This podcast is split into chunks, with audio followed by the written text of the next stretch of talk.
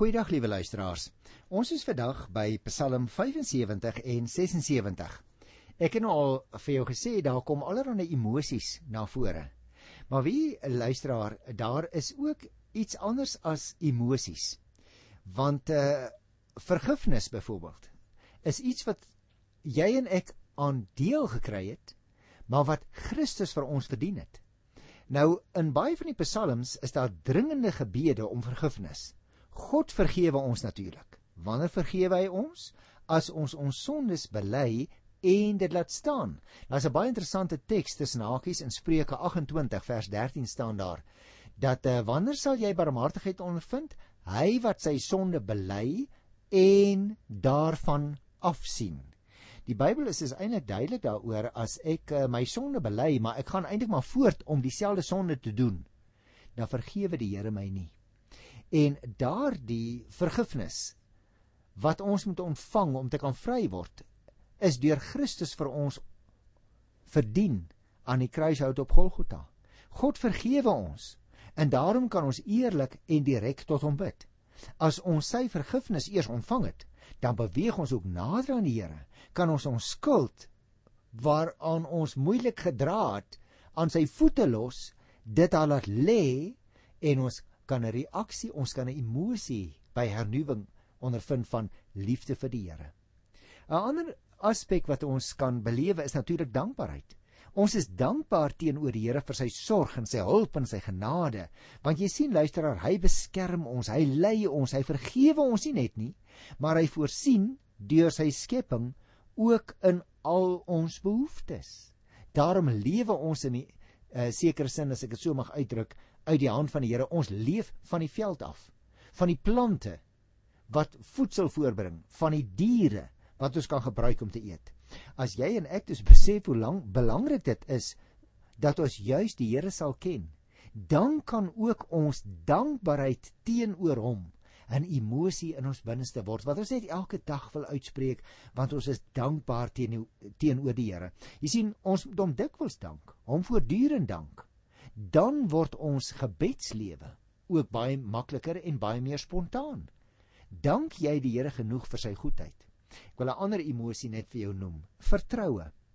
God, liewe luisteraar, is getrou en regverdig. Hy laat ons harte stil word as ons op hom vertrou. Hy was dwars deur die geskiedenis getrou. Daarom kan ons ook in tye van nood steeds op hom staat maak. Ons kan die Here vertrou met ons hele lewe.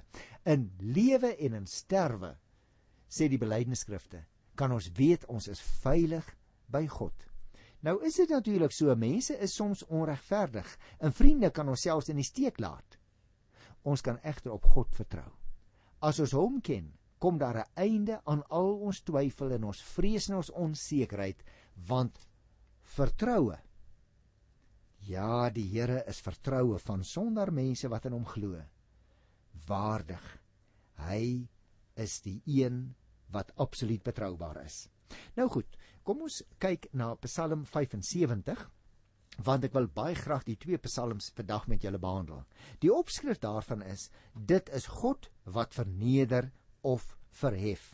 En dis belangrik luisteraars, ons dink soms die Here dink net goeie goed oor ons. En hier leer ons nou by Psalm 75, dit is God wat verneder of verhef. So inleidend tot Psalm 75 sou ek graag daarop wil wys dat God dikwels in die psalms gevra word om reg te laat geskied deur byvoorbeeld die goddeloses te straf. Jy kan ook maar gaan kyk Psalm 3 vers 8 en 7 vers 7 en 10 vers 12 en 'n hele klomp ander wat ons al reeds behandel het.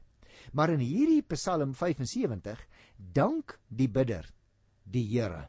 Jy sien dit al reeds in die tweede vers en net nou ook in die 10de vers omdat die Here die oordeel oor die goddeloses aangekondig het.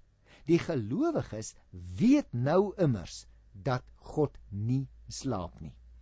Jy sien dikwels is daar in die psalms gevra dat die Here moet kom en reg moet laat geskied deur die goddelose te straf. Maar in hierdie psalm lê die klem so klein bietjie anders. In hierdie psalm dank die bidder die Here omdat hy nie net straf nie, maar inderdaad nie slaap nie. Daarom hoef ons nie te dink soos wat uh Baal ook so 'n bietjie gespot is by monde van Elia. Onthou jy nog daar? Uh in 1 Koning 17 waar die verhaal begin van Elia die profeet en waar hy dan 'n droogte aankondig. En dan spot hy met die met uh, die afgode en sê: "Miskien slaap Baal 'n bietjie, miskien is hy op reis." Maar nou ja, met die Here is dit nie moontlik nie. Hy is eintlik die enigste God. Die Bybel erken eintlik nie eers afgode nie. Afgode is nie gode. As ek dit so mag uitdruk. So, kom ons kyk na die eerste 6 versies van Psalm 75. Vir die musiekleier op die wysie van moet dit nie verwoes nie. 'n Psalm van Asaf, 'n lied. Ons loof U, o God. Ons loof U. U is by ons. U magtige dade moet bekend gemaak word. Nou, liewe luisteraar, hier sien ons al reeds in vers 2 dat die Here by ons is. Jy weet, jy en ek as Nuwe Testamentiese gelowige dink baie keer dat die ouens van die Ou Testament nie besef het God is by hulle nie. Maar natuurlik het hulle. Hier lees ons dit. U is by ons. Immanuel is die eintlike woord in Hebreëse taal. En jy en ek weet ook God is by ons deur sy gees. Hoe weet ek dit? Die Here Jesus het dit self gesê, Matteus 28 van vers 19 en 20 as jy dit gaan lees. En onthou, ek is by julle tot aan die einde van die wêreld. Hier vers 3 tot 6, ek het dit nog nie klaar gelees nie, kom ek lees verder. As die tyd vir my optrede aanbreek, sê God, oordeel ek regverdig As die aarde met al sy bewoners sou wankel, dan grondves ek hom weer stewig.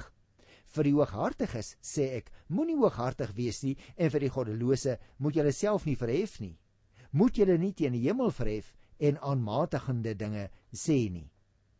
Nou, liewe luisteraar, ons het hier interessante dinge wat hier gesê word, want in die 4de vers as die aarde met al sy bewoners sou wankel, dan grondves ek hom weer stewig.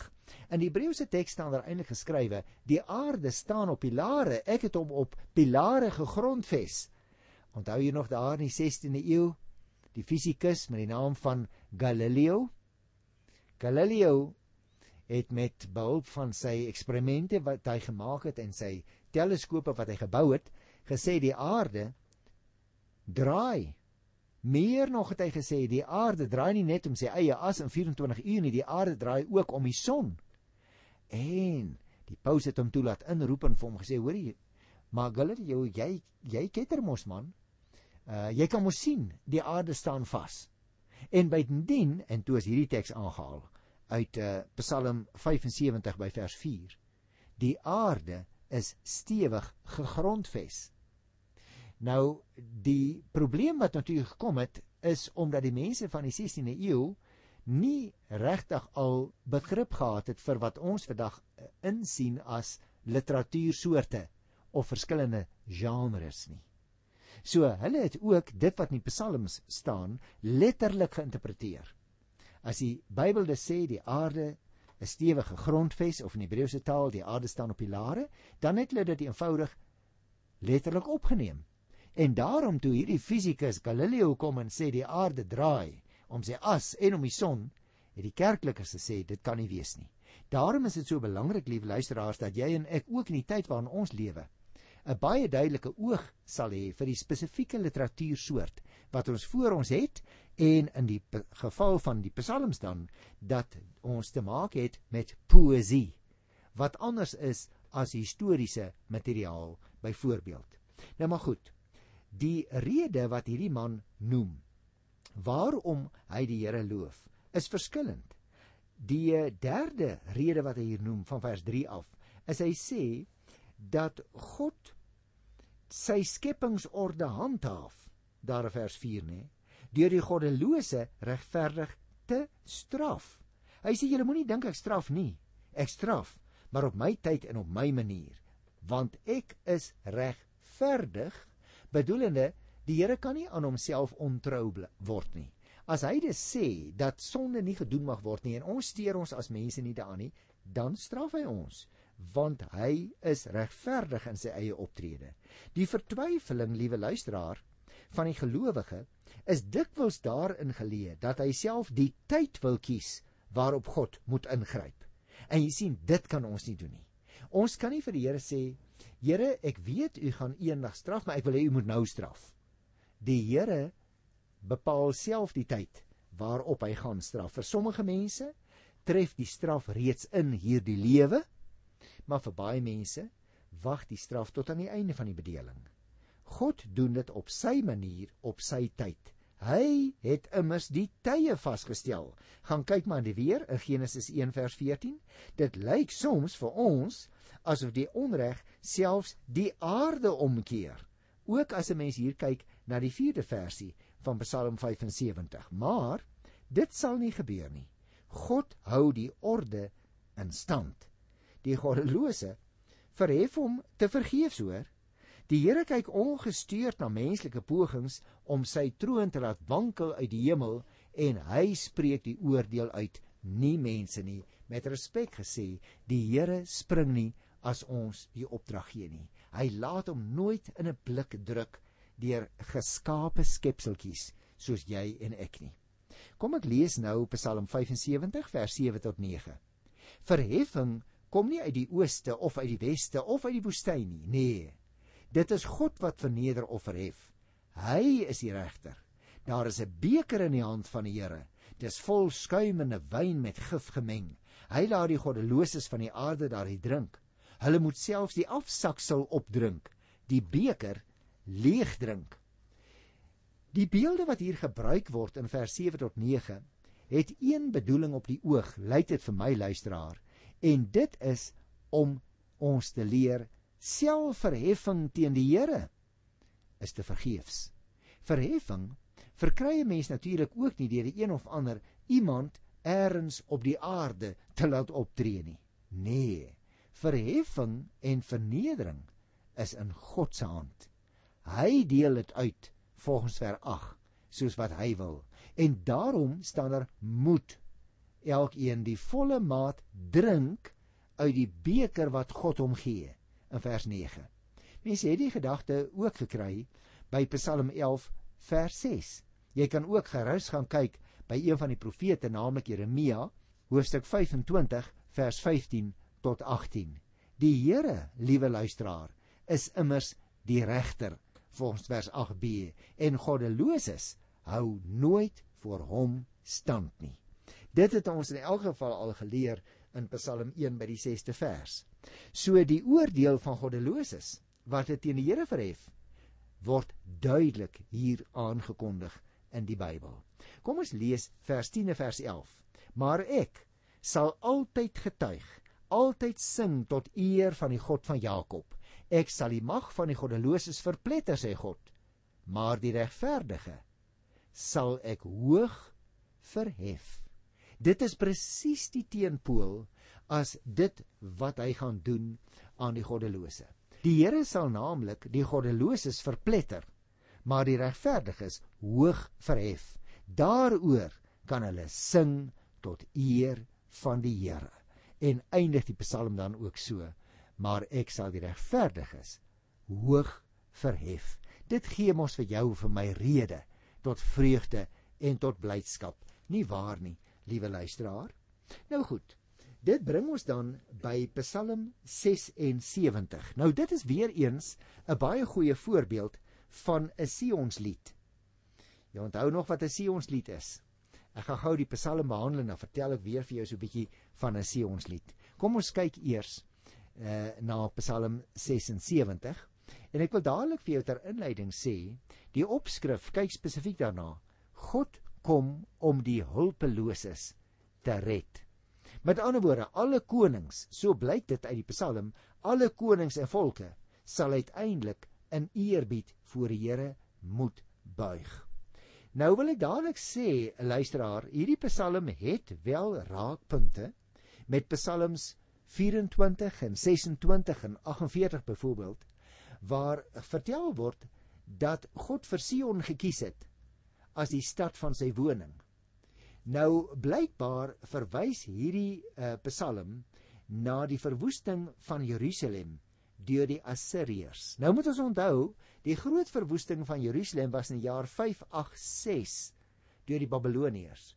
Maar vroeër in die geskiedenis, amper 200 jaar vroeër, in die jaar 701 voor Christus, het uh Jerusalem alreeds 'n keer geval voor die Assiriese inval wat natuurlik uh onder leiding van komik, uh, koning Nebukadneser wat vir ons baie bekend is of Assurbanipal se naam wat ook genoem word in die Bybel ehm uh, aangevoer is. Maar kom ek lees nou die eerste 8 versies van Psalm 76 en dan gesels ons daaroor. God het hom in Juda bekend gemaak. Sy naam is groot in Israel.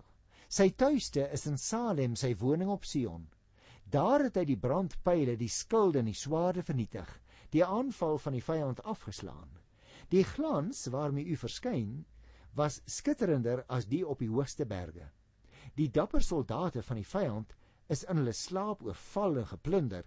Nie een van die kruismanne kon 'n hand oplig nie. Toe u ingegryp het, God van Jakob, was strydwaan perd daarmee heen. As u toorn ontbrand, laat u die mens sidder en beef. Wie kan dan voor u staan? Jy sien, tydens daardie oorlog toe die stad voor die Assiriërs geval het, wat ek nou net so breedweg vir jou genoem het, het die Here op 'n baie besondere manier ingegryp en is die vyand verslaan in Salem. Uh nou Salem is natuurlik ook 'n naam wat ons ken uit Genesis 14 by vers 18. Salem beteken Shalom, uh vrede. Met ander woorde Jerusalem beteken uur, dit beteken stad. Jerusalem is dus stad van vrede. En dit word spesifiek vermeld daar in die eerste paar verse dat die verwoesting ook Sion bereik het. Want daar word gepraat van op Sion. Nou dit is natuurlik die heilige berg waar die tempel gestaan het, waarheen die Here onder begeleiding van 'n feestelike optog op pad was om daar vir hom 'n woning te laat bou. Maar in die glansryke verskyning waar die glans helderder is as die van sneeu in sonskyn op die hoogste berge, daar het die Here na sy stad toe gekom. Hy het die vyand se wapens vernietig en die soldate hulle slaap oorval. En so die Here nog een van sy talle magtige dade in Sion verrig. Jy kan byvoorbeeld waar daar verwys word dat die brandpyle toe die Here ingegryp het. Kyk in Jesaja 50 by die 11de vers. In hierdie Psalm dus word hoewel daar van 'n inval gepraat word, die almag van die Here besing. Hy het in glans verskyn en die vyand is verslaan. Sy oorwinning word op 'n baie glansryke manier in hierdie Psalm beskryf. Nou luister, luisteraars, dit bring my dan by vers 9 en vers 10 hierso van Psalm 76. Uit die hemel het u 'n uitspraak bekend gemaak. Die mensdom het bang geword en stil gebly toe God gekom het om te oordeel om al die hulpeloses op die aarde te red. Nou baie interessant. In die 3de vers is verwys na Salem, dit wil sê Jerusalem, die tuiste van die Here. En hierso word nou uh gesê die Here kom as regter om sy uitspraak ook oor hulpeloses tot hulle voordeel bekend te maak. Die uitkoms met ander woorde van die bekendmaking van die Here is dat die volke in die suide dit wil sê Edom en ook in die noorde dit wil sê Hamat uh sal bewus word van wat met 'n mens gebeur as jy teen die Here in opstand kom. Nou luisteraars, ek wil afsluit met vers 12 en 13 omdat ek ook gesê het ek wil nog vir julle so 'n bietjie van Sion se liedere vertel. Bring aan die Here julle God die dankoffers wat julle beloof het. Almal rondom hom moet geskenke bring vir die ontzagwekkende vir hom wat die oor, oormoed van maghebbers breek, vir hom voor wie die konings van die aarde sidder. Met ander woorde, die dankoffers wat daar vermeld word in vers 12, is die dankoffers wat beloof is en dit moet betaal word, ook deur die ander nasies. Die Here staan daar in vers 12 is die ontzagwekkende. Met ander woorde, hy breek mense wat dink hulle het mag. Nou, ek het vir jou gesê by die begin net nou dat uh, ek gaan gesels 'n bietjie oor Sionsliedere. En Psalm 76 is 'n baie bekende Sionslied. Nou, waaroor gaan dit? Ons moet onthou, liewe luisteraars, Dawid het Jerusalem destyds verower en dit het sy politieke hoofstad geraak. Jy sal ook onthou hoe dat hy die ark daarna toe gebring het, 2 Samuel 6, né? En hy het dit ook die godsdienstige hoofstad gemaak toe hy die ark daarin gebring het. Jerusalem was dus baie belangrik, het bekend geraak ook as die Dawidstad, want eintlik was dit sy persoonlike eiendom wat hy dit persoonlik verower. En dit was dus later sy politieke hoofstad en ook die godsdienstige hoofstad. Die geloof dus van die Judeërs het nou op 3 pilare begin staan. Te wete op die koning, op die stad Jerusalem en op Sion, die Tempelberg. En hierdie drie dubbele funksie van Jerusalem as politieke en godsdienstige setel het twee tradisies laat ontstaan, te wete die Sions tradisie aan die een kant en die Dawids tradisie aan die ander kant wat veral bevestig is deur die prediking van 'n man, 'n profeet met die naam van Jesaja. En daarom is dit interessant om te weet dat in 'n Sions Psalm, soos die een wat ek dan nou net behandel het, word nie net die stad van vrede Salom genoem nie, maar ook die Tempelberg Sion waarop die tempel gebou is later deur Salomo word genoem. So daar word dus in die Psalm erkenning gegee beide aan die politieke hoofstad en aan die godsdienstige hoofstad. Mettertyd moet ons onthou en daarmee wil ek afsluit om net 'n perspektief op wat oop te maak. Mettertyd het die klem op die Joodse geloof begin val op God as die koning. En Jerusalem en die tempel het so bietjie op die agtergrond begin skuif, veral in tye toe Jerusalem verwoes is en Jerusalem is baie keer in die geskiedenis vernietig. En dit het daartoe gelei dat daar 'n oormatige selfvertroue by mense begin ontstaan het. Hulle het geleef net soos hulle wil. Want God is mos in die tempel op Sion. Daar woon hy, daar is hy gesalfde. Hy regeer oor alles. En toe Jerusalem nou vernietig word, het veral 'n man soos die profeet Jeremia in sy prediking baie sterk 'n persoonlike klem begin lê. Met ander woorde het hy gesê het elke mens is persoonlik verantwoordelik voor die Here. Of hy die Here dien en of hy hom nie dien nie. Nou uh, Jeremia het natuurlik en dis interessant self die verwoesting van Jerusalem in 586 deur die Babiloniërs meegemaak. Hy is wel nie weggevoer nie, Maar die Babiloniese generaal met die naam van Nebuzaradan het vir Jeremia toestemming gegee dat hy in Jerusalem mag bly. Nou baie mense het natuurlik dadelik gedink, "O, ja natuurlik, hy kan bly want hy is 'n verraaier. Hy loop hand aan hand met die vyand." So hulle het nie baie van Jeremia gehou nie, om die waarheid te sê, hulle het hom dikwels verslaan en dikwels gemartel, maar ek sal dit met julle bespreek luisteraars wanneer ons by die profeet Jeremia kom. Die punt wat ek wil maak is, daar het geleidelik 'n skuif gekom in mense se denke dat die Here nie net die God vir die volk Israel is nie, maar dat hy die God is vir die individuele Israeliet. Daarom het jy later uitsprake begin kry reeds in die Ou Testament wat sê nie elkeen wat uit Israel is is van Israel nie. Bedoelende nie almal wat 'n Jood is is noodwendig deel van die volk van die Here nie. Want jy kan die uiterlike vorm hê en jou hart kan ver wees van die Here af.